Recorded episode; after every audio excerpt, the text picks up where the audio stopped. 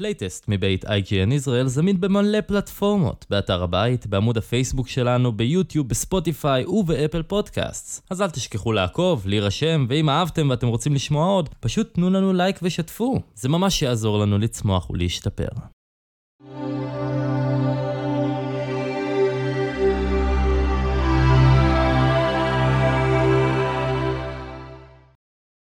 War. What is it good for? Absolutely nothing. שיר War של Temptations יצא בשנת 1970 בתקופה שבה ארצות הברית הייתה בשיא של השיח סביב מלחמת וייטנאם. והמסר של השיר הוא מאוד מאוד ברור. מלחמה, למה היא טובה? לכלום. כל אחד יכול לקחת את זה לכיוון שלו, ואפשר גם שלא להסכים עם הסנטימנט של השיר הזה. אבל בסופו של דבר, טבעו של המין האנושי הוא מאז ומתמיד לחפש דרכי התמודדות נפשית עם המחיר שגובה מלחמה. והשיר של טמפטיישנס, דווקא מתוך אותו לחן גרובי ומגניב, הוא, באיזשהו מקום, מהווה כלי התמודדות נפלא עם הסוגיה ההוקו מורכבת הזו. כשבוחנים אומנות מהפרספקטיבה הזו, ניתן לשייך הרבה מאוד פיסות גם מעולם הגיימינג לתופעה הזו. נטייה שלנו להמציא סיפורים שהתרחשו במלחמת העולם השנייה או הראשונה, או במלחמות שבאו אחרי זה, במדיה כמו סרטים, או במקרה שלנו, משחקי מחשב, מראה עד כמה האנושות מעוניינת לפתוח את הפצעים הסגורים האלה, אבל לאו דווקא מעוניינת שזה יכאב לה. אז אם אני רגע אמקד את הנקודה שלי, בעיניי משחקים שמגוללים סיפורי מלחמה, הם לא משתמשים בסיפורי מלחמה למטרות ציניות. על אף הרווחים המרשימים שהם מפיקים, בזאת אין ספק, מאז ומתמיד ראיתי משחקים כאלה כיכולת של האנושות להתמודד בצורה שהיא דווקא מהנה, עם חוויות מאוד מאוד קשות שעוטפות אותנו. בין אם בעבר ובין אם בעולם המודרני. ההכנה הכה רצינית הזו לפרק נועדה להכין אתכם ל mindset של יוצרי המשחק עליו אנחנו מדברים היום. Middle East Crisis הוא משחק אסטרטגיה שעדיין בפיתוח, ועוסק כולו במשבר המזרח תיכוני. המשבר הביטחוני והפוליטי בין המורכבים ביותר בעולם. אם לא הכי מורכב. המשחק, שמפותח בלב המחלוקת כאן בישראל, דווקא רוצה לזרוק אותנו, כשחקנים, לנקודת מבט אובייקטיבית ככל הניתן. אבל רגע, כדי להקליל את האווירה ושנייה לפני שאנחנו מתחילים את הפרק, אני רוצה לתת לכם שתי הגדרות שאנחנו חוזרים עליהן מספר פעמים. לאלו מכם שלא יודעים, RTS זה real time strategy, משחקים שבהם השחקנים אמונים על כוחות באיזשהו סדר גודל, ועליהם לקבוע, כמו גנרלים, כיצד למקם את הכוחות שלהם בשטח, ולפנות לקבוצה היריבה באופן אידיאלי על מנת לסיים את המשימה ביעילות ובכמה שפחות נזק. המושג השני שעולה הרבה במהלך השיחה הוא triple A. triple A הם פשוט משחקים בסדר גודל הגדול ביותר בתעשייה, עם תקציב מאוד גבוה, כמות מפתחים מאוד מאוד גדולה, וכל היוצא בכך. אז בנימה זו אנטוש אתכם עם קצת חומר למחשבה, אני מקווה מאוד שתהנו מהפרק, ברוכים הבאים לפלייטסט.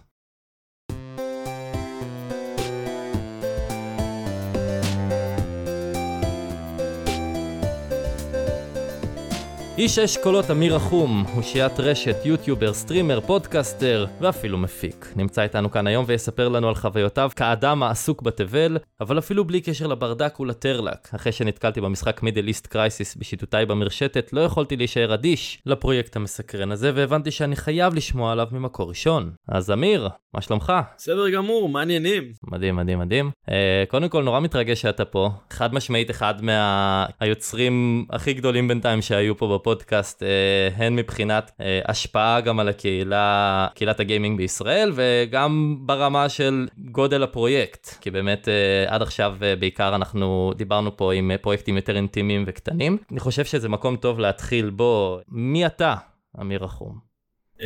טוב, אז אני אמיר רחום.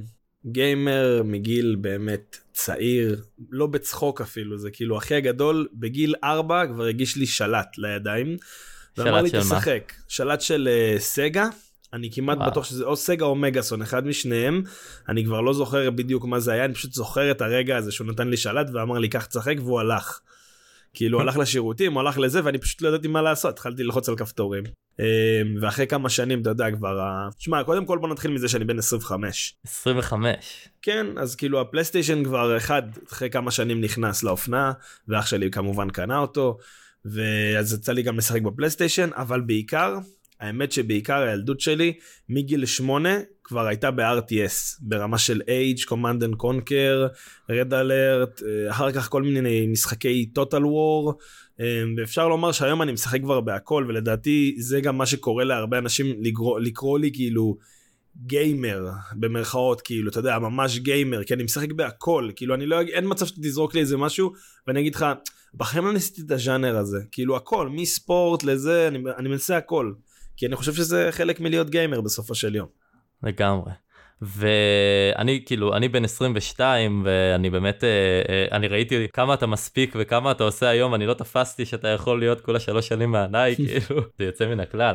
אמ, כל האהבה ל-RTS אגב זה דבר שהוא מאוד מאוד ייחודי בעיניי אני אח שלי היה משחק אה, עד גיל בערך 13 ברד אלרט באובססיביות. כן. וזה דבר ש... זה משחק שאני אהבתי, אני בעצמי היה לי את הגרסת מיני שלו בגיל בערך 7, אה, קניתי פה באזור אה, משחק שקראו לו אני חושב קראו לו אינסקטס או באגס או משהו כזה. כן כן משהו ואתה מ... ג'וקים כאלה והכל צבאות וכאלה. בדיוק בדיוק כן, ואני כאילו אני חשבתי שאף אחד כאילו אף אחד מסביבי לא הכיר את זה ואני מתתי על זה מתתי על זה וזה נכון. באמת החיבור הראשון שלי ל-RTS. חייב להגיד ש, שהרבה שנים כבר לא נכנסתי לז'אנר, כי אני, אני באמת עם השנים יותר ויותר נמשכתי לאזורים נרטיביים יותר אה, במשחקים.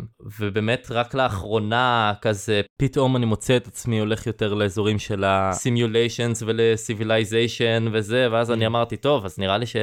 אני אוכל עכשיו עם מידל איסט קרייסיס לחזור ל-RTS. כן, לגמרי. איך אתה תופס את הגיימינג היום? מה, מה הדברים שאתה מחפש במשחק שאתה אוהב? שמע, הדברים שאני מחפש בגדול במשחקים זה היום אני גם מדבר על נגיד סתם אני אזרוק לדוגמה את ריטרנל שאני משחק אותו בימים אלה וכאילו עם כמה שהוא משחק טוב הוא לא מצליח לתפוס אותי למה כי בדיוק דיברת על העניין הזה של נרטיב. נרטיב היום הוא מחזיק משקל כל כך גדול כי בסופו של יום אנשים למה הם רואים סדרות? למה הם רואים סרטים? למה הם משחקים במשחקים מסוימים? כי הם מחפשים את העומק את ה... את המשהו שיתפוס אותם שיעניין אותם שיגרום להם להישאר מול המסך או מול הספר או כל דבר כזה. ולא תמיד זה gameplay כמה ש gameplay יכול להיות מדהים כן? gameplay כמה שהוא מדהים כן. יכול להיות גם מעצבן אבל לפעמים אתה גם מחפש את הסיפור הזה את, ה, את ההתקדמות הזאת עלילתית או ביצועית או כל דבר כזה כדי שתוכל להמשיך להיכנס עוד יותר ועוד יותר לתוך אותו משחק או ספר או סרט. אז נכון. זה בדיוק גם מה שאני מחפש היום בהרבה דברים. אה, זאת אחת הסיבות שאני כאילו הכי אוהב את God of War בגלל שיש שם עלילה שלי אישית משכה אותי ופשוט גררה אותי לתוך זה ואני כאילו מעבר לזה יש לי ספרים וזה וקומיקסים של God of War כי זה כאילו מכניס אותי הרבה הרבה יותר לעומק. באמת אה, גם אתה דיברת על Returnal או כל אלה העולם הזה של של roguelikes כל הז'אנר הזה הוא בדרך כלל לא ממוקד נרטיב. אה, אז באמת אה, זה לא מפליא, אני כן, ברמה אישית אני חושב, אני לאחרונה משחק הרבה Dead Cells, אה, והתפלאתי לראות כמה הוא הצליח לתפוס אותי למרות שהוא לא מונחה נרטיב. הגיימפליי סייקל שלו הוא, הוא סופר מתוחכם, מהיר, כמה שהם מטפטפים לך מהר מכניקות חדשות, שזה דבר שאחרי זה יהיה מעניין אותי לשאול אותך עליו בתור מפיק. כאילו זה, זה דבר שלחלוטין תופס אותך בלונג טרם.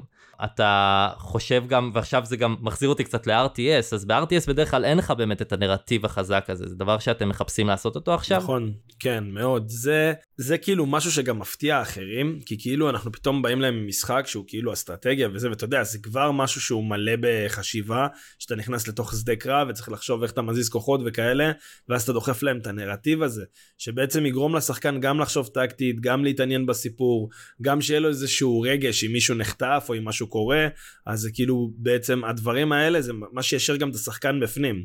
אתה מבין גם העניין הפוליטי הזה זה מחזיק אותם גם כל הדברים מסביב ל-MEC זה מאוד מאוד מאוד מאוד עוצמתי. אז עכשיו באמת זו הזדמנות טובה למי שלא מכיר אה, את MEC, אה, קצת להסביר מה זה המשחק הזה. וואו, אה, MEC זה משחק אסטרטגיה בזמן אמת שמדבר על המלחמות של המזרח התיכון. בעצם אם אנחנו שיחקנו בילדות שלנו Red Alert, Command and Conquer, אה, Age of Mythology, Warcraft, אנחנו באים להביא את ה-RTS הקלאסי, אבל לתת לו את השדרוג המודרני שיש היום עם כל הפיצ'רים וההיילייטים והדברים האלה, ובעצם לגרום לשחקן לא להרגיש שהוא משחק ב-2007-2008, להרגיש שהוא משחק משחק שהוא שיחק בסביבות 2007-2008 מבחינת היכולות.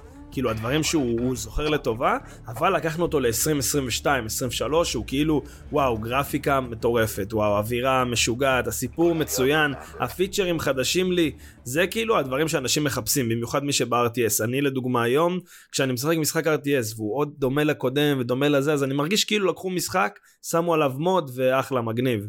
אז uh, זה קצת מבאס אותי, אז אני כאילו מחפש לא לעשות את זה, אני מחפש לקחת את זה עוד שלב אחד קדימה. הסטודיו, מי האנשים שעומדים מאחורי זה, מה, מה הסיפור שלכם? אז uh, טוב, טריל, כאילו, אתה שאלת אותי גם על איך אומרים את השם, כן. אז, אז כאילו הרעיון של טריל זה כאילו בעצם להביא את המילה thrill, כאילו ריגוש, והמילה, והשלוש, כי אנחנו התחלנו בהתחלה כשלושה, נהיינו ארבעה וזה, אז כאילו הטריל הזה, כאילו הריגוש הזה שיש ברעיון של כל מה שהסטודיו הזה הולך להוציא, כי בעצם לעשות משחק כמו MEC, אתה דיברת את זה איתי גם, הפוליטיקה, כל הדברים האלה מסביב, זה לא משהו שהוא קל, יש הרבה ריגושים, הרבה רגעים שאתה כזה בלחץ מטורף, וגם מה יחשבו, במיוחד שזה משחק ראשון, אז, אז כאילו משם בא הרעיון של הריגוש, של ה-thrill, כאילו. וואו. Um, רק לוויזואליזציה לצופינו היקרים, ה-Ut הוא 3EEL. כן. אה, וזה מה שיוצר את ה-thrill, מגניב. כן. מאיפה הוא הוקם? אמרת הייתם בהתחלה שלושה. אז uh, את האמת שטריל זה כאילו אחד הדברים הכי מפתיעים שקרו לי. אני הייתי שנ... לפני שנה ומשהו, התחלתי ללמוד קצת תלת והייתי גם uh, סטודנט להנדסת תוכנה וניסיתי להיכנס יותר לעומק בעולם המשחקים. כאילו אמרתי, איך אני יכול לקדם את עצמי בעולם המשחקים תוך כדי שאני סטודנט וזה. אז התחלתי ללמוד קצת תלת. אה, ולפני זה מה שהייתי עושה בתכלס היה לכתוב דברים לעצמי כמו מיני Game Design Documents כאלה על אה, דמויות וכל מיני יכולות ופיצ'רים ודברים כאלה אה, בעיקר בתחום האסטרטגי כי זה באמת מה שאני אוהב. היו דברים ש, שעברו באותה תקופה את רמת הקונספט למשהו ממש ממשי שיכולת לשחק איתו? ממש לא, אני כאילו, אני, אני כאילו יותר ה-back, אני כאילו הכתיבה, היצירה, אני יודע איך זה אמור להיראות, אבל הביצועית זה בדיוק שם מגיע הצוות. הכרתי בחור בשם אה, מיכאל, אה, פה מהעיר שלי מכרמיאל, ומסתבר שהוא כבר כמה שנים טובות מפתח משחקים, יש לו יד בדבר, הוא מכיר, אה, יש לו המון ניסיון בפיתוח, והוא הציג לי איזה כמה דברים שהוא עשה כבר לפני, ואז יצא לנו איכשהו לדבר על התשוקה שלנו לעולם ה-RTS. וכמה חסר היום ועל הצמא הענק שיש בעולם הזה. אני אומר לך, אני בפורומים של רדיט, של Command and Conquer, ואנשים צמאים, מאות אלפי אנשים צמאים למשחק RTS באמת ברמה גבוהה. אני יכול להראות לך דוגמה סתם, קח את Company of Heroes 2, מכר מעל ל-13 מיליון עותקים. זה משהו לא נורמלי, אחי, זה המון למשחק RTS.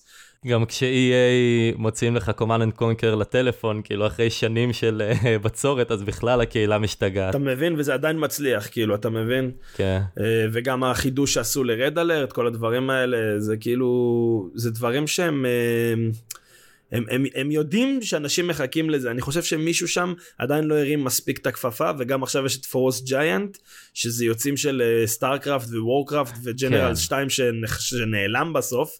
Uh, כל היוצאים האלה בעצם עובדים עכשיו על משחק RTS חדש שזה כבר לבד אומר לך כאילו אם מישהו שם על זה כמעט 8 מיליון דולר זה כבר משהו גדול.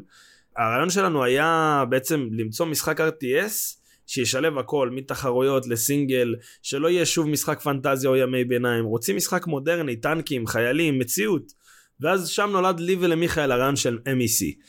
Um, בהתחלה לא קראו לזה MEC לא היה לנו איזה שם או משהו כזה אתה יודע היה לנו כן. איזה משהו מידל איסט קונפליקט כל מיני כאלה בסוף החלטנו ללכת על מידל איסט קרייסיס שזה כאילו משבר כי זה לא קונפליקט זה יותר כן. משבר.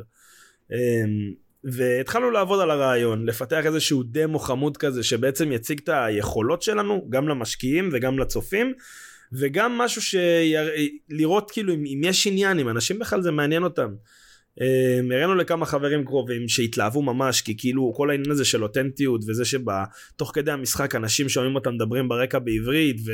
ויהיה גם אנגלית וערבית ועוד שפות זה כאילו זה הרעיון היה אמ, ואז אמרנו מה מה השלב הבא ואז פניתי ישר לאדיר, שהוא השותף שלי, אה, בחברה שנקראת Level Productions, שאנחנו בחברה הזאת עושים אה, כל מיני פעילויות באופליין, אה, מסיבות, אירועים, עשינו עם IGN שנה שעברה בפורים. כל הרעיון של החברה הזאת זה בעצם לעשות גיימינג שהוא לא רק באונליין ולא רק עכשיו סטרימים ודברים כאלה שזה גם יש אצלנו. הרעיון הוא בעצם, הפיזי, בדיוק הממד הפיזי להביא אנשים להביא קהילות לאחד אנשים עם כמה שהיה קורונה וזה אנחנו עדיין הצלחנו להזיז כמה פרויקטים קדימה ואז החלטנו שצריך להקים משהו כאילו אי אפשר לעשות את uh, MEC בתחת לבל כאילו זה לא קשור. אה, מפה לשם אמרנו אוקיי יאללה בוא נראה מה עושים. יצאנו שלושתנו למסע הזה ועל הדרך הצטרף אלינו בחור שהוא חבר טוב של אה, אדיר אחד השותפים דורון טל שהוא אחד באמת התותחים לכל מה שקשור ב marketing. הוא שם איתנו יד אנחנו שותפים עכשיו והאמת שאני ממש שמח שאלה השותפים שאנחנו ארבעה שותפים אה, חזקים מאוד כל אחד בתחום שלו וזה מה שיפה אין לנו אף אחד לא, לא, לא מקלף את התחום של השני שזה מדהים כי אנחנו כל אחד יודע לעשות משהו בצד שלו ואז אתה יודע כל אחד מתפזר גם לפעילות שלו ולא צריך כאילו כן. אף אחד לא נכנס לך בדברים ואומר לך לא ככה אל תעשה לא ככה אל תעשה. הרמוניה מוחלטת הרמוניה דווקא מציינת. מתוך האינטימיות הזו כן, של הצוות. לגמרי. עכשיו אתה סקרנת אותי עם החלק של המשקיעים איך איפה אתה מתחיל בכלל בדבר כזה. אז זהו שהתחלנו אנחנו כרגע עדיין לא גייסנו כן אה, אנחנו עדיין בשלב הזה של הגיוסים התחלנו מכל מיני אה, מגייסים לא, לא חושב שצריך לפרט את השמות. כן ברור ברור. אתה מקבל הרבה לואים אבל הלואים שאתה מקבל גם הם, הם לא הלואים שאתה מפחד מהם הלואים הם דווקא די דברים שעוזרים לך ואתה כל פעם שאתה מתקדם עוד טיפה ועוד טיפה אתה לומד עוד שלב ועוד שלב. אה, ויש כאלה שכבר אתה יודע הם, הם חצי דרך שם זה דברים שלוקחים הרבה זמן. אה, זה לא פשוט, אבל אה, אנחנו מאמינים בדרך שלנו. ואנחנו לומדים גם uh, תוך כדי, אתה יודע, אתה, אתה אומרים לך לא, אתה לומד מהלא הזה, עושה עוד דבר, מתקדם עוד שלב, עוד שלב, עוד שלב, לא מוותר. כי אם עכשיו כל אחד שהיה אומר לי לא הייתי מוותר, אז בשביל מה אני מלכתחילה מתעסק בזה, כאילו. משקיעים זה באמת דבר לא פשוט, uh, במיוחד הגדולים ביניהם, זה באמת דברים לא פשוטים. יש את ה... כמובן, אפשר ללכת על החלק הזה של קיקסטארט, ואז כן. uh, זה יכול לעבוד, אני מאמין שזה יכול לעבוד. אבל uh, אנחנו רוצים לנסות את כל האופציות שלנו לפני שנלך למשהו כזה. וגם לפעמים באמת קיקסטארט לבד הוא, הוא כאילו לא מספיק, לפעמים גם אתה צריך משקיע בנוסף לזה, אז בכלל uh, זה. ומבחינת כל הסטודיו, ממי הוא מורכב, כמה אנשים אתם היום, או שזה רק הארבעה שאתם? אנחנו ארבעה פלוס שני אנשים, השני אנשים האלה הם בעצם, uh, אחד בעיר שלי הוא מתכנת, ואחד הוא מתעסק בכל מה שקשור ב-UI ועיצוב, והוא עושה הרבה דברים. אה, והוא גר בראש העין, אה, הם שניהם כרגע, אתה יודע, כזה בעוף, עד שאנחנו נביא את כל התקציב וכל הדברים האלה, נתנו להם כרגע, אנחנו לא צריכים אותם, כי אנחנו לא, לא כן. לוקחים את זה 100 שנה קדימה. אה, אנחנו ארבעתנו עושים מה שאנחנו יכולים. מהצד של הפיתוח. אז כאילו בשלב הזה כשבאמת עדיין אין את, ה, את, ה, את התשתית הזו אז אז אתם זה לא הפול טיים ג'וב כאילו. ברור שזה לא הפול טיים ג'וב אי אפשר אי אפשר לעשות פול טיים ג'וב כשאתה תחשוב אם כולם יש להם ילדים חוץ ממני לכולם יש ילדים כן. לכולם יש משפחות לכולם יש uh, את העסק שלהם בלי קשר למה שאנחנו עושים לסטארט-אפ. אבל אין מה לעשות ככה זה תמיד מתחיל ועד שזה בסוף הופך לפול טיים כי אתה מרוויח ו... את הכסף מביא את הדברים. כן ו- ו- וניהול פרויקט בצורה כזאת אתם יש כאילו אתם כל אחד בבית שלו מנהלים את הפרויקט. אנחנו כל אחד בפינה שלו אנחנו נפגשים אחת לפעמים פעמיים אפילו בשבוע מקדמים את זה ברמתנו, אם זה משקיעים, אם זה שיחות על המשחק, אם זה הכתיבה, אם זה כל דבר, אנחנו לאט לאט מקדמים את זה, זה משהו שהוא באמת באמת לא פשוט, בטח שבקורונה הזאת, מורכב. בקורונה הזאת היה עוד יותר מורכב, בגלל שכל הפגישות היו בזום, ואתה יודע איזה אימפקט נמוך לעומת מה שיש כשאתה פוגש בן אדם פנים מול פנים, ואתה מסביר לו ומראה לו את הפשן ואת כל מה שאתה יודע שקורה, וזה עולם אחר לגמרי. אה, ובקורונה באמת שהיה מאוד קשה אבל אה, אנחנו מתקדמים זה גם היה לטובתנו כי בלי הקורונה כנראה שלא היינו נפגשים. ועכשיו כשבאמת אני אני שומע ממך את כמות האנשים שעובדים על זה ובאיזה תנאים אז בכלל ההישג הכביר של כל מה שאתם הראיתם עד עכשיו בעמוד הפייסבוק שלכם וביוטיוב ובכל זה, זה זה אני לא יכול שלא להוריד את הכובע באמת זה נראה מדהים. תודה רבה. אה, אה, לעומת באמת הקושי והאתגר הזה שעומד מאחורה. עכשיו בוא נדבר על המשחק עצמו כאילו מה, מה אתם מתכננים שתהיה החבילה הסופית שהיא מידל איסט קרייסיס? שמע, בחבילה הסופית יהיו כמה מצבי משחק מן הסתם, כי זה משחק, אה, אנחנו, אנחנו מכוונים אותו להיות משחק triple A למרות שאנחנו לא triple A. אתה יודע, זה, אתה מכוון לשם, מקווה שאתה תצליח להגיע. אמ, ברור שאנחנו לא הולכים לקפוץ מעל הפופיק שלנו, אה, כן. אבל, אמ, אבל אני לדעתי, אנחנו מכוונים ל... אני מה שאנחנו כרגע, אנחנו מכוונים ל single player, שבו אתה תוכל לחוות המון צדדים של הקונפליקט הזה, וככה תרגיש ותפנים גם את המצב המסובך שיש במזרח התיכון. multiplayer כי אי אפשר בלי עם כמה אנשים ש... עם כמה שאנשים לפעמים לא הכי אוהבים multiplayer ב-RTS בגלל שלפעמים זה, זה באמת RTS זה, זה קטע יש לו קטע עם ה multiplayer שהרבה אנשים דווקא לא אוהבים אותו. אה, בגלל הזמן שלוקח לכל אחד להחליט את המהלכים וכל נכון, זה. גם בגלל הזמן וגם בגלל שההפסדים שם הם הרבה יותר מבאסים, כי אתה יכול לשחק משחק 4 שעות ולהפסיד בסוף, זה באמת יכול להיות נוראי. כן. אה, המולטי שלנו יהיה קצת שונה, יהיה לו כמה טוויסטים שאני מעדיף שלא לפרט כדי לא לפגוע במקוריות. כן. אמ, וכמובן יהיה את המצב סקירמי שיחולק לכמה מצבים בעצמו יהיה סקירמי שהוא אשכרה ממנו אתה תצא לעוד כמה מצבים אה, וואו. שזה פשוט סוג של משחק קסטום אני אומר את זה לצופים בדרך כלל אתה מול מחשב וזה אחלה בשביל להתאמן על טכניקות מסוימות ושם אנחנו הולכים לתת כל מיני challenge־ים ודברים שבאמת כאילו אנשים יגידו וואו שווה לי לשחק את ה skirmish כי זה אשכרה יקדם אותי. זהו בגדול מבחינת המשחק החבילה הכוללת לדעתי אמ, כמובן שכנראה יהיו עוד דברים. זה לא רק הצבא הישראלי מן הסתם. ברור. מה, מה עוד אתם מציעים מבחינת playable armies? אה, אז זהו, אז, אז כמו שגם אמרתי, אנחנו הצגנו ב, בפייסבוק שלנו את הצבא הישראלי כרגע, כי לנו, בתור ישראלים, יותר נוח להציג את הצד שלנו. אחת הסיבות שאנחנו גם בקשר עם אנשים שהם לא רק מישראל, אלא מהמזרח התיכון, סוריה, איראן וכו', זה בדיוק מהסיבה הזאת. אנחנו רוצים לשמוע את הצד השני, לטוב ולרע. כן. זה באמת חשוב לנו ממש. לבנות את המשחק שבאמת ייתן השקפה נכונה על כל מה שקורה פה, ולא רק מה הישראלים חושבים. אז אם אתה שואל אותי על איזה צבאות יהיו פה, אני יכול ישר להגיד לך שיהיו לך כנראה את סוריה, זה בטוח יש כי כבר שמנו, יש את רוסיה, ארה"ב, יהיו עוד כל מיני צבאות מהמזרח התיכון וגם דברים שיפתיעו. שהם כמובן גם מכדור הארץ לא יהיה חייזרים או משהו כזה כי כבר כן. שאלו אותי על זה. אמ, אמ, עכשיו לא, אתם יכולים להכניס כבדיחה איזה משהו כ-DLC. יכול להיות שבעתיד אנחנו נדחוף איזה משהו מעניין יש איזה דיבור על משהו שקשור בזומבים אבל אני לא יודע אם זה ילך בסוף כן משהו מעניין. אמ, אבל אני ממש מקווה שכאילו כל הדבר הזה באמת אה, יתחבר כמו שאנחנו רוצים. כרגע זה, זה מתחבר לנו מצוין, אני מאוד נהנה מזה, וגם כשמשהו לא מתחבר אנחנו עושים שיתחבר, וזה מתחבר עדיין טוב, אז uh, מבחינת צבאות אני מאמין שכל מי שיגש למשחק הזה ימצא את הפינה שלו. ויש איזשהו הבדל גיימפליי מהותי בין כל אחד מהצבאות האלה? כאילו 아, אה, מעבר לקוסמטיות? ברור, ברור. לכל uh, צבא יהיה את הרקע ההיסטורי שלו מן הסתם ואת היכולות המיוחדות שלו. נגיד סתם, אני אקח דוגמה הכי כאילו ברורה שיש, יהיה לנו צבא ישראלי, יהיה לו את uh, כיפת ברזל, לכיפת ברזל יש יכולות משלה, יהיה לה התפתחות משלה, אם יורים עליה טיל יהיה לה, יהיה לה טיימר שיכול להפציץ אה, טילים בחז... לפרק טילים באוויר ואז הטיימר הזה ירד והשחקן השני צריך לדעת לשחק לפי הטיימר הזה. אם הוא רוצה להפציץ שוב זה יהיה ממש ממש כאילו בקטע הזה זה יהיה ממש חשיבתי. אה, לכל מדינה יהיה את הזה שלה אנחנו עושים חקר על הדברים האלה זה גם למה אנחנו מגייסים אנשים מכל המדינות האלו בגלל שאנחנו נצטרך את השפה שלהם וגם את הידע שלהם ואת החשיבה שלהם מבחינת, אה, מבחינת צבאית ואסטרטגית, שזה גם משהו שהוא חשוב לנו. קופץ רגע קדימה, כי אתה באמת מדבר הרבה על הגיוס של אותם אנשים. כאילו, קודם כל, איך אתם פותחים תקשורת אה, עם אותם גורמים אה, מחוץ למדינה, במיוחד אם זה ממדינות שהן לאו דווקא חברות טובות שלנו, וגם מהו גודל שיתוף הפעולה, מה קנה המידה של שיתוף הפעולה הזה? תשמע, כרגע אנחנו די שומרים על זה, ב, אתה יודע, מתחת למים ומתחת לרדאר, כי זה, זה כאילו, כל ה... אין שיחות על פוליטיקה בכלל, שזה הדבר הכי מדהים שיש, לא נכנסים לזה, אף אחד לא נכנס לזה. והעניין הוא זה שכולם מסתכלים על זה בקטע מקצועי, ובקטע של בוא נעשה איזה משהו שהוא יהיה באמת uh, משנה סדרי עולם, כאילו, אתה יודע, בוא נראה שישראלים, איראנים, uh, לבנונים, uh, סורים וזה, הם לא כל הזמן נלחמים, אפילו יוצרים דברים ביחד, שזה בכלל הדבר הכי יפה פה. ולדעתי,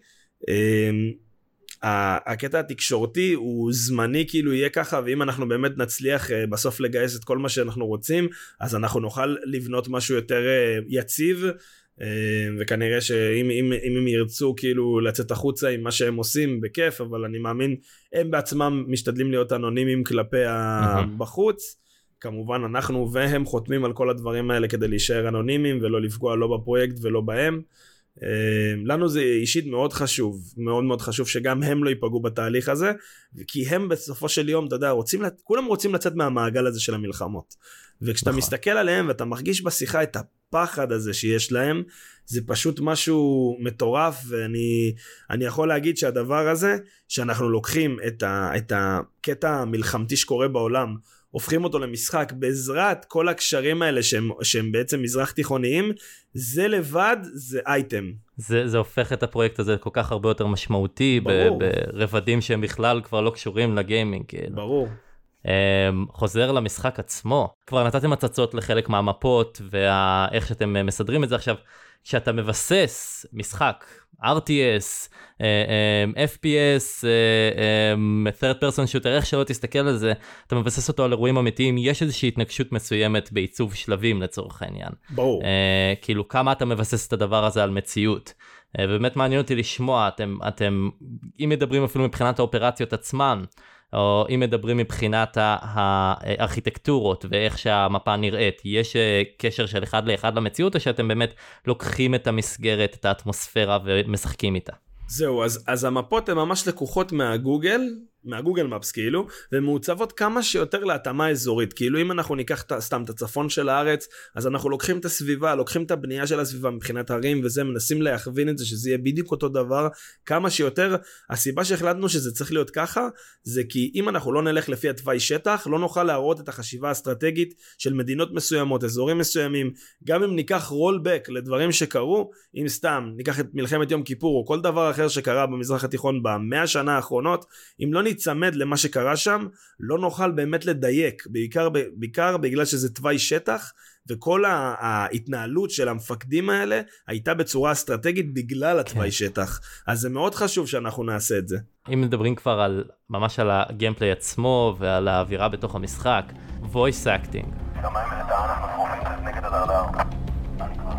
אז אתם הוצאתם סרטונים וגם אמרת בראיונות נוספים שיש לכם לא רק voice actors בעברית אלא גם באנגלית ואפילו ברוסית. נכון, גם בערבית. אה, קודם כל, מי זה החבר'ה, האם כבר אתם, ההקלטות שאנחנו שומעים זה הקלטות הסופיות או שזה אתם יושבים אה, אה, ועושים איזושהי דמונסטרציה כאילו? קודם כל, כל מה ששמעת עד עכשיו זה הכל אני. אה וואלה.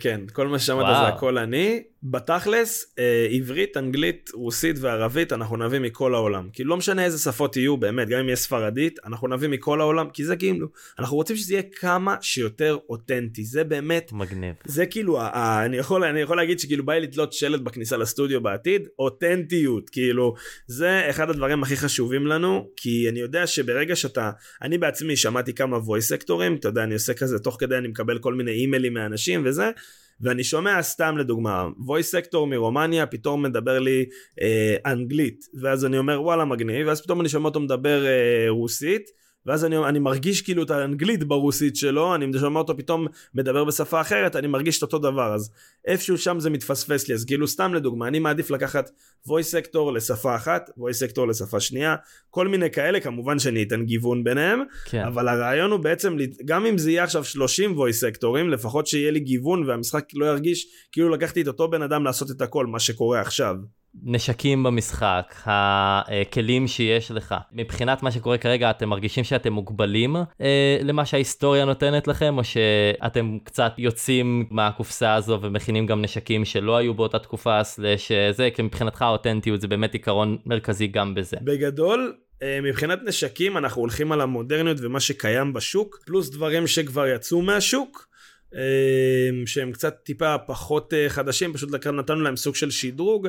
אנחנו משתדלים שזה לא יהיה אחד לאחד, בטח כי אנחנו לא רוצים לפגוע בביטחון מידע של צה"ל, אה, שזה כן. אחד הדברים הכי עיקריים אצלנו כרגע, שאנחנו ממש נמנעים מכל מיני דברים שהם באמת יכולים לפגוע.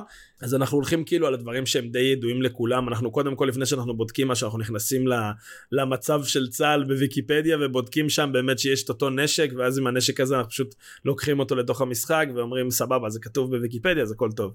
כן. אמ, אנחנו באמת נזהרים מאוד בדבר הזה אה, אז אה, זה לטובה ולרעה כל הדברים האלה תשמע בגדול מבחינת אה, אנחנו לא הולכים לקחת נשקים עתידניים כל מיני דברים מוזרים שכאילו אנשים יגידו מה זה החרטא הזאת.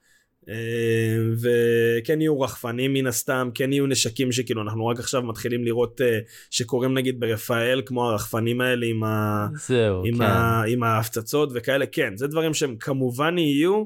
אה, יהיה לך גם יחידת עוקץ ויהיה לך, לך באמת הרבה דברים שאתה תגיד כזה וואו כאילו לקחו פה משהו שהוא כאילו אמנם אתה יודע שולי אבל הוא, הוא נותן כל כך הרבה שלא חשבתי על זה. בגיימפליי ששחררתם אפשר לראות ממש חלק שמוצג דרך כוונת שאמרתי לעצמי אוקיי זה, זה נראה באמת כמו קאצין שבאופן כללי זה מגניב כי ב-RTS בדרך כלל אתה לא רואה קאצינים ברמה כזו אמ, אבל זה גם יש לכם איזה משהו מתוכנן בגיימפליי אה, לשינוי אה, פרספקטיבה אז אה, אני קודם כל חושב שזה יכול להיות ממש מגניב אם היינו.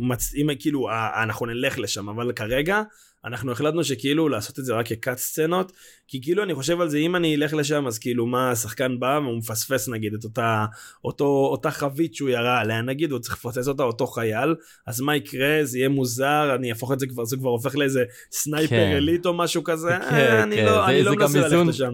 איזון ז'אנרים כאילו שלא זהו, אני גם לא רוצה לערבב יותר מדי את הז'אנרים, כי זה מתחיל להיות, זה, זה יעצבן אנשים לדעתי. אותי זה אישית, כאילו אם היה דבר כזה במשחק, אני חושב שזה היה קצת מפריע לי ב-RTS.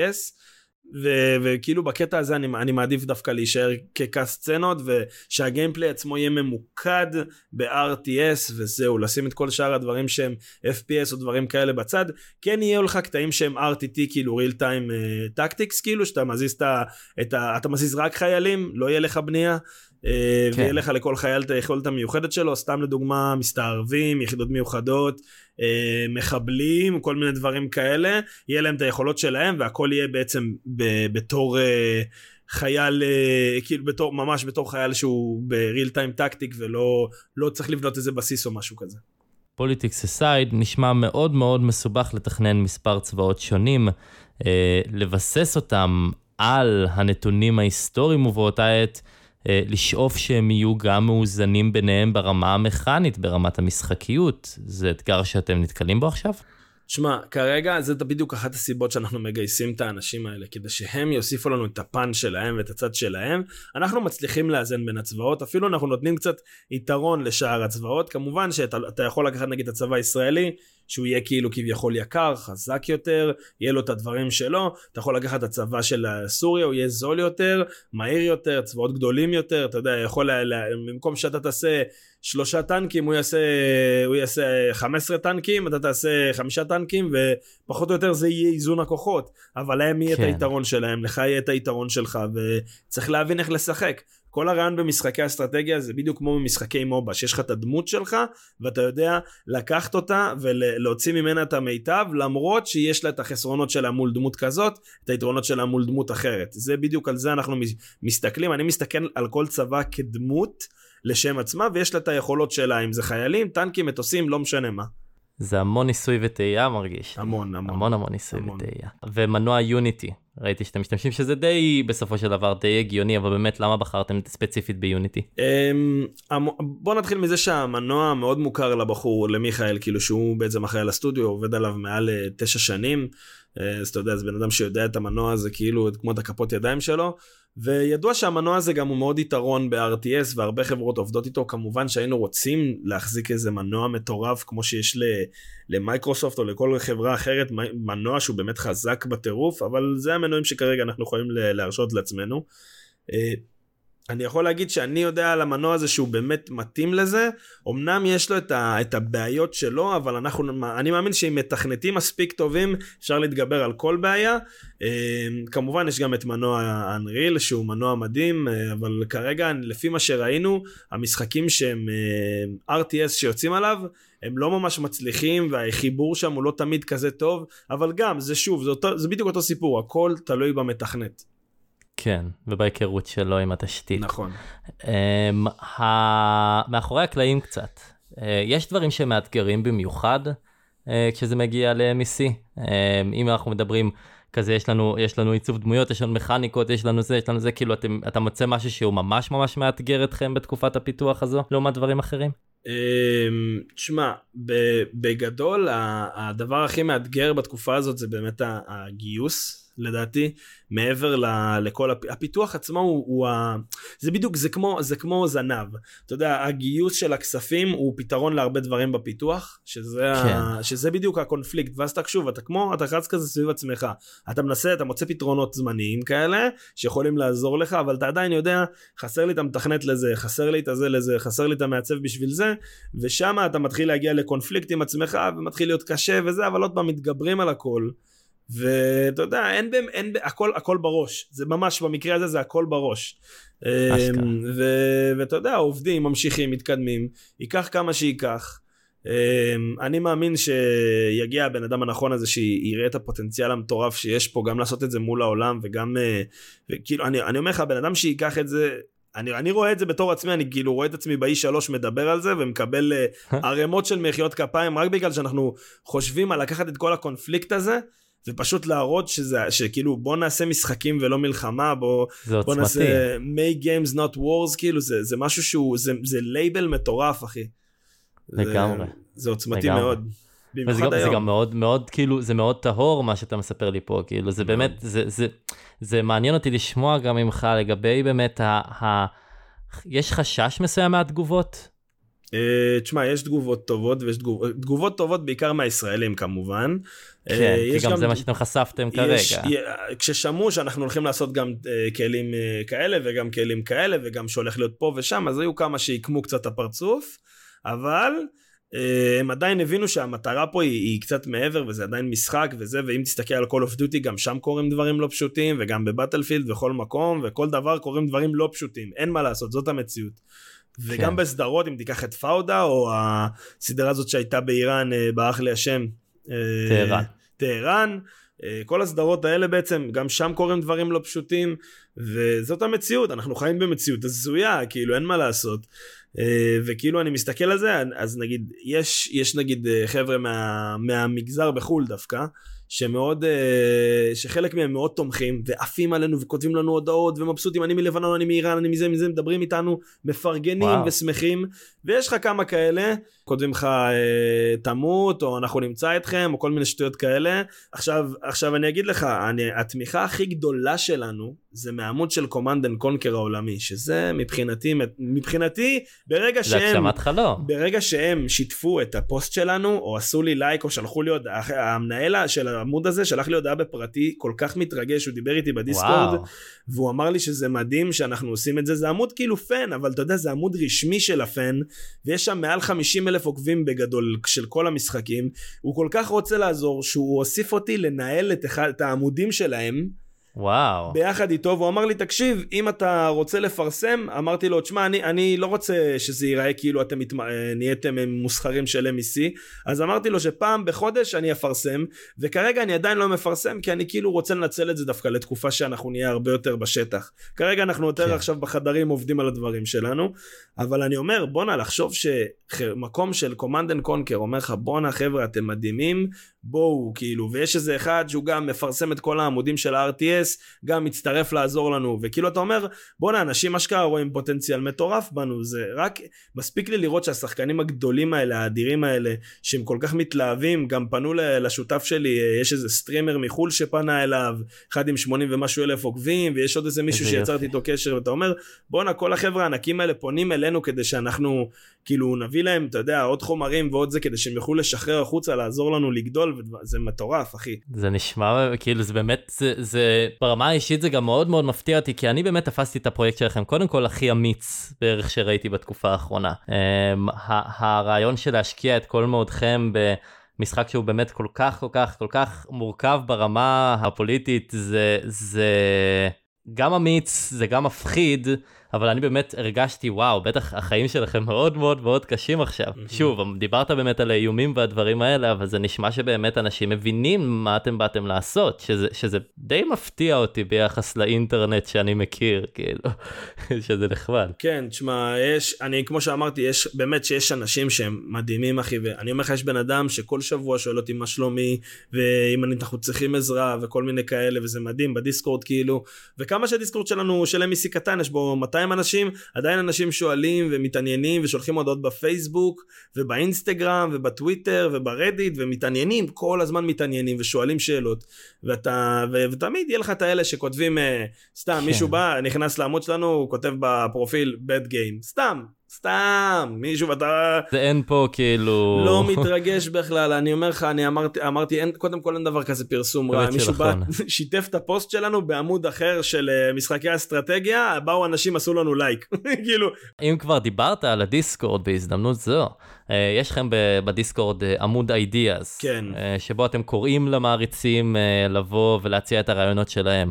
יש דברים שכבר ראיתם שם שממש לקחתם לתשומת לבכם? תשמע, עלו שם באמת כמה רעיונות באמת טובים, אבל אנחנו משתדלים שלא לקחת משם כלום, גם כדי שלא יצוצו, לא יצוצו לנו כל מיני קרדיטים שלא נחוצים, כי אנחנו בכל, בכל זאת רצינו לשמוע רק מה הקהל חושב, וגם הרבה דברים שכתבו שם כבר תכננו, כאילו זה מטורף, אתה אומר בואנה אני אשכרה בראש של השחקנים. אה, ואנחנו גם די מפוצצים ברעיונות, אז אולי למשחק הבא בסדרה אם יהיה כזה, אתה יודע, זה כאילו אנחנו... זה, זה, אתה אומר זה כלי טוב לסקר שוק, זה כלי טוב לסקר שוק ולהבין כמה אני גם אה, מכוון טוב לתוך המשחק. אה, מה שמפתיע אותי זה שגם אנחנו, אני פתאום נתקל בחבר'ה מאוד צעירים שמעניין אותם לראות את המשחק הזה, גם בערוץ שלי, אנשים שמאוד מתעניינים. אה, וחבר'ה מאוד צעירים, אני אומר לך 14, 15, כאילו, מה זה מפתיע אותי? זה מגניב. מפתיע אותי מאוד. ומבחינת באמת איך שאתם עכשיו עובדים, התצורה שלכם כרגע, אתה מוגדר באמת בתור מפיק. מה זה מפיק בפיתוח משחקים? כי זה באמת, בדרך כלל זה, זה כזה קצת תפקיד אמורפי כזה שלא ברור בדיוק מה תחומי האחריות שלו למי שנמצא מבחוץ. אה, תשמע, בתור מפיק uh, אני יכול להגיד לך שכאילו בתור אחד שהקים את uh, טריל זה לא קשה לא כזה קשה להגיע להיות מפיק בתור טריל בתור כן. טריל כאילו אתה יודע מן הסתם זה משהו אחר. כן. כן, ברור, שמע, המטרה שלך בגדול זה לראות שהכל דופק כמו שעון. בין אם זה הארט, האנימציות, הסאונד, החיבור של הכל בתוך המשחק, לראות שהתסריט יושב טוב עם הסצנות, שהגיימפליי מתאים ולא שבור, להרגיש את המשחק בגדול. אני מסתכל על עצמי בתור מפיק שכאילו המשחק זה בעצם אני. אם אני לא מרוצה ממשהו, אני חייב לשנות את זה או להשתפר בתור, בתור, בתור גם גיימר ומסקר, ואחד ש-RTA זה המשחקים כן. העיקריים שלו בחיים, אני לא אוותר על הדברים הקטנים גם, וכבר עכשיו אני קטנוני. וזה גם עוד לא השלב של הקטנוניות ואני אומר לך אנשים כאילו אומרים לי אוי נו זה שטויות. ואני אומר להם זה לא שטויות זה הדבר הזה יכול לגרום לי באותו רגע להגיד אין לי כוח לשחק. כאילו ברמה כזאת.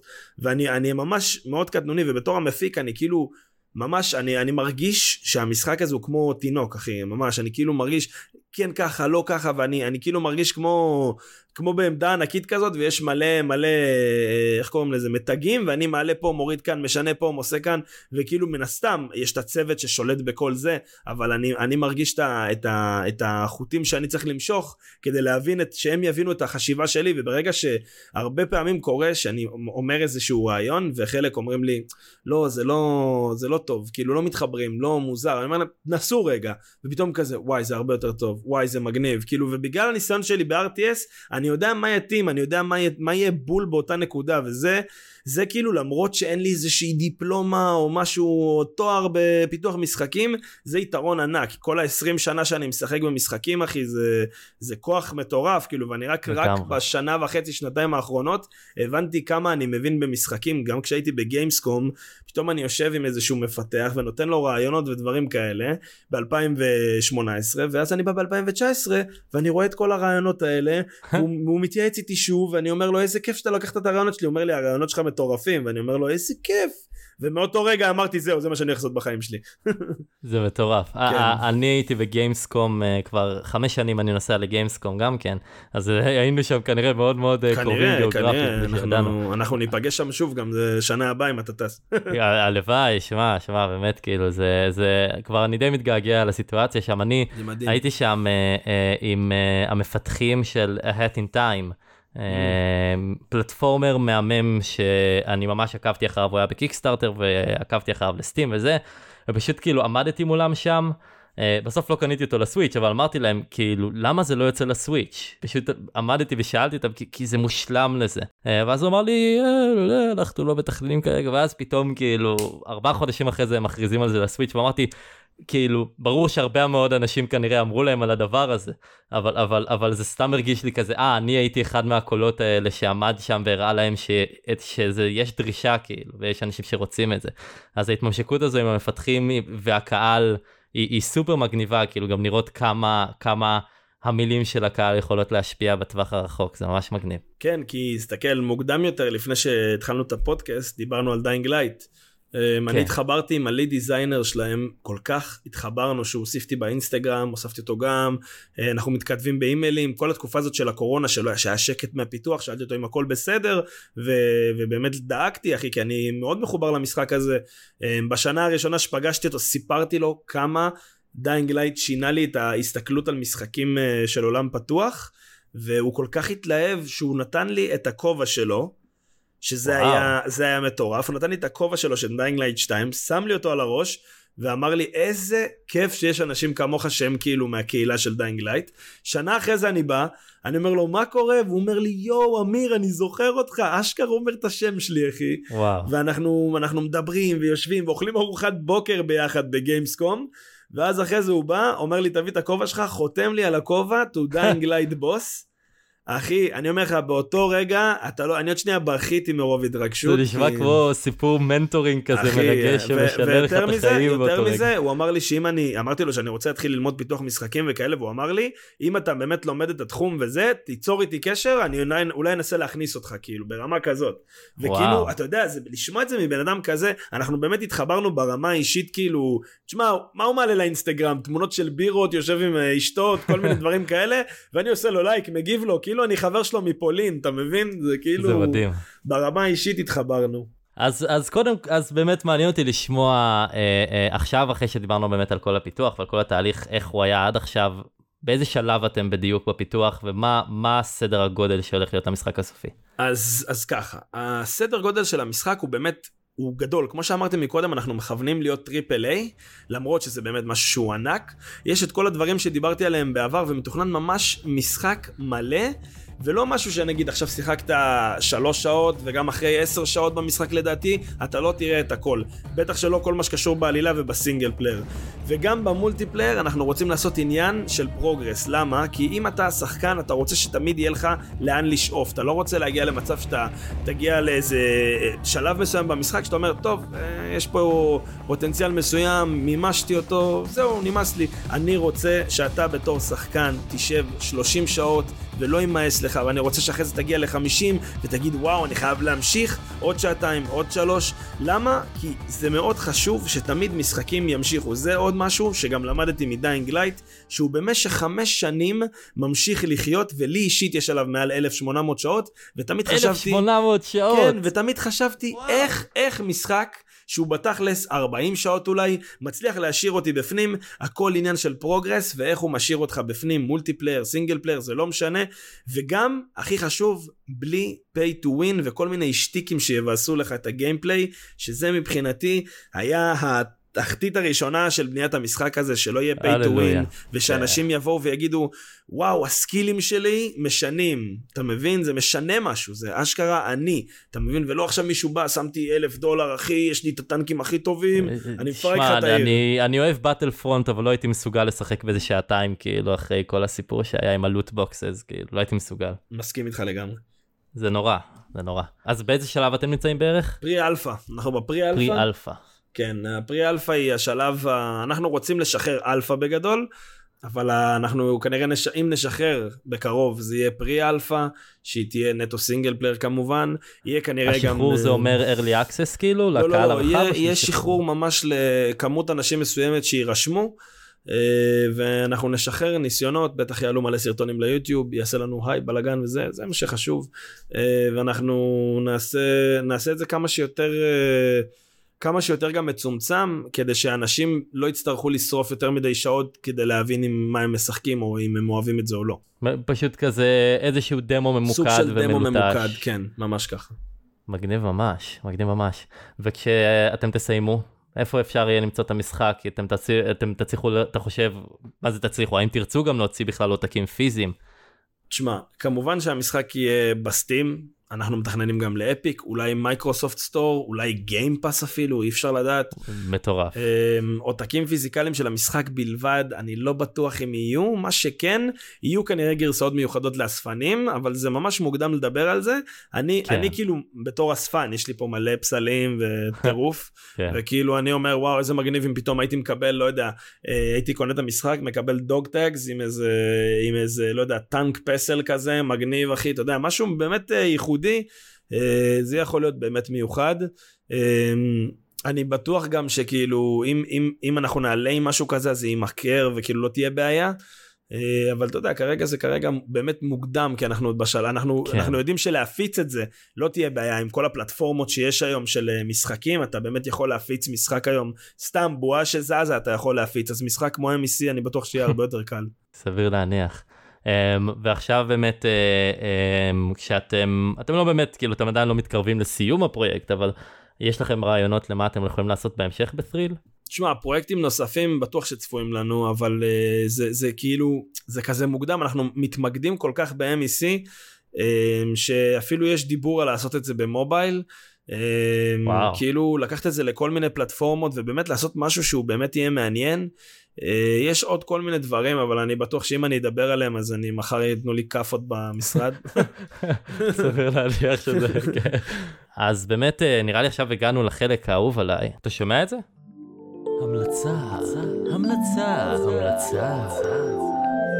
זה זמן המלצה, וזה הזמן שלך ושלי לחשוף למאזינים קצת מהטעם האישי שלנו כשזה מגיע למשחקים. אמ, אני מזמין אותך ברגע זה להמליץ על משחק שאתה אוהב, בשאיפה משחק שלא הרבה אנשים מכירים, ונראה לי שאני אתן לך את זכות הקדימה, בבקשה.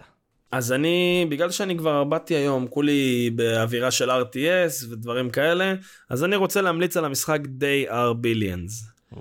Um, משחק RTS, real time strategy, שכל העניין שלו זה בעצם להקים uh, מושבות ולהתגונן מפני זומבים וכל מיני... Uh, זה סוג של Tower Defense ששילבו עם RTS, משחק אינדי שמכר מעל לשלושה מיליון עותקים, שזה משהו wow. מטורף.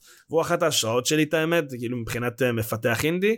אמ, לקבל השראה מדבר כזה אדיר, משחק באמת מטורף, אני, הוא קשה ברמה בלתי רגילה, ועוד הכי מצחיק שאני כאילו ברמה נמוכה ואני מחשיב את עצמי לשחקן RTS מצוין, ועדיין קשה שם, אמ, ולא פשוט, ו, ו, ויש רמות עוד יותר קשות, ואני אומר וואו, זה כאילו משחק, אם בא לך להיות שחקן הארדקור של RTS, אני מאוד ממליץ להיכנס למשהו כזה, הוא מבחינת אה, חשיבה של משאבים ובניית אה, הגנות וכאלה. כאלה יכול לקחת אותך לשלב הבא בחיים. אמ, ובאמת אני ממליץ די הרבה ליאנס משחק מצוין יש עליו גם מלא הנחות בסטים אה, ובכל מקום שבעצם ראיתי אותו אני מאוד ממליץ אה, גם לך אם אתה אוהב RTS כנס לזה. זמין רק למחשב? זמין למחשב כן. מדהים כמו ש-RTS צריך להיות דוגרי. כן.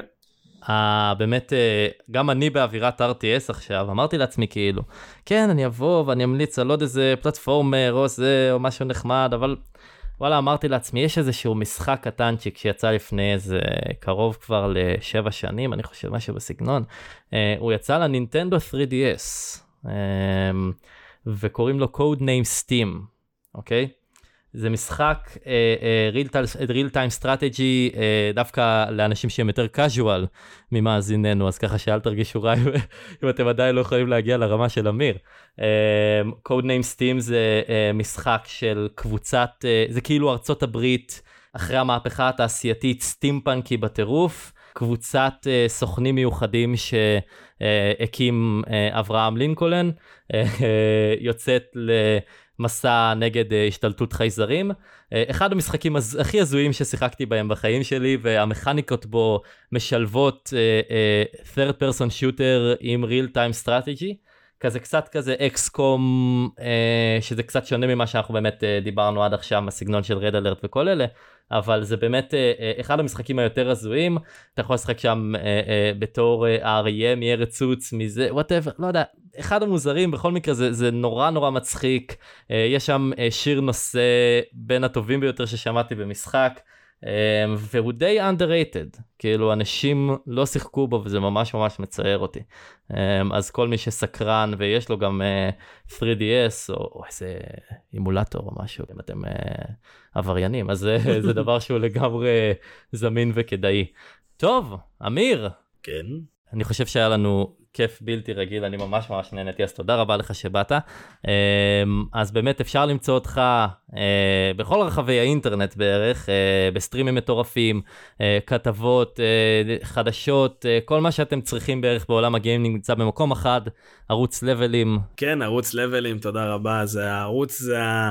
זה, זה באמת ה baby הקטן האישי שלי, שהוא שלי, ואתה יודע, אני כאילו מוציא שם את מי שאני באמת חופשי, ואני מאמין שכאילו בינתיים כל מי שהגיע לשם התרשם לטובה, מהגדולים לקטנים ביוטיוב, ומהאנשים הכי רנדומליים שפגשתי התלהבו מזה ונרשמו, אה, כי אנשים מחפשים אותנטיות.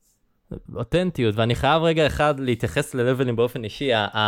אני הכרתי את הערוץ באמת כשפניתי אליך לראשונה וסיפרת לי עליו, שאתה באמת אה, עוסק בזה. אמ, אני, קודם כל, יש לך לקסיקון כן. שלם. שבנית עם הקהילה שלך, שבעיניי כן. זה, זה לא רק שזה מטורף, אלא זה משהו בקנה מידה עולמי. אתה יכול לתת כמה דוגמאות מהלקסיקון הזה? כן, ברור, יש את המשופעלים, שזה הראשי. משופעלים. יש משופעל, כאילו, שזאת המילה הראשית, שזה כאילו להיות משופעל, זה כזה, להיות מאותחל מחדש, זה כאילו האווירה כזאת, וזה כזה, זה מילה שכזאת שיכולה להיזרק על כל מיני התבטאויות. אה, יש לך טרלק שזה כאילו יכול להיזרק על מפלצות או איזה משהו שהוא כזה זה גם אתה מבין? זה כאילו דברים שאתה מושך מהמותן ויש לך תאן שזה בעצם הזכר של התאנה שזה כאילו מישהו שהוא כאילו מעפן יבש כזה אז אני אומר על מישהו מה זה אתה תאן? מה יש לך היום? ודברים כאלה. אה, ויש לך את אה, יש לך את ברדק וכל אלה זה כאילו מילים שכולם יודעים מה זה ברדק אבל כאילו. זה נכנס וזה, ויש לנו מילים חדשות גם שאנחנו מכניסים, חרצפת עכשיו לאחרונה נכנסה. חרצפת. ויש גם את אה, אה, מפשל, שזה כאילו, מיש, יש מאחר ומפשל, שמאחר זה כאילו מישהו שהוא כזה, אתה לא משהו היום, ומפשל זה אתה על הפנים, כאילו ברמה כזאת. אה, ו, וזה כאילו, זה, זה כזה...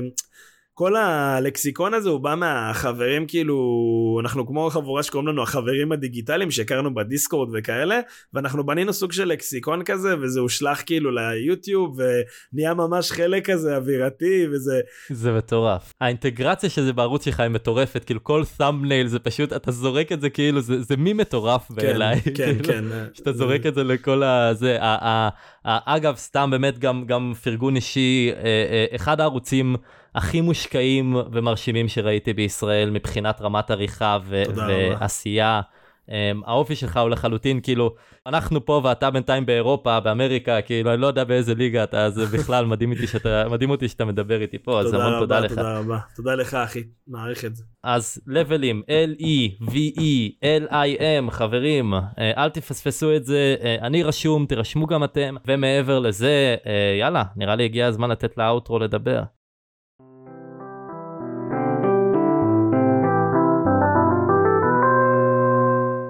וזה היה אמיר רחום. ראשית כל, אם אהבתם את מה ששמעתם על Middle East Crisis, אתם יותר ממוזמנים ללכת ולעקוב אחר העמוד של Middle East Crisis בפייסבוק, בטוויטר וביוטיוב. כך תוכלו להישאר מעודכנים בכל הנוגע לחדשות על הפרויקט המסקרן הזה. ובלי קשר, מזכיר וממליץ לבקר בערוץ היוטיוב של אמיר רחום, לבלים. הוא עושה let's play מופלאים, סטרימים נהדרים, ופשוט כיף להיות איתו. לכו לשם, תאמינו לי, זה שווה את זה. כל לינקים נמצאים ממש כאן ב description.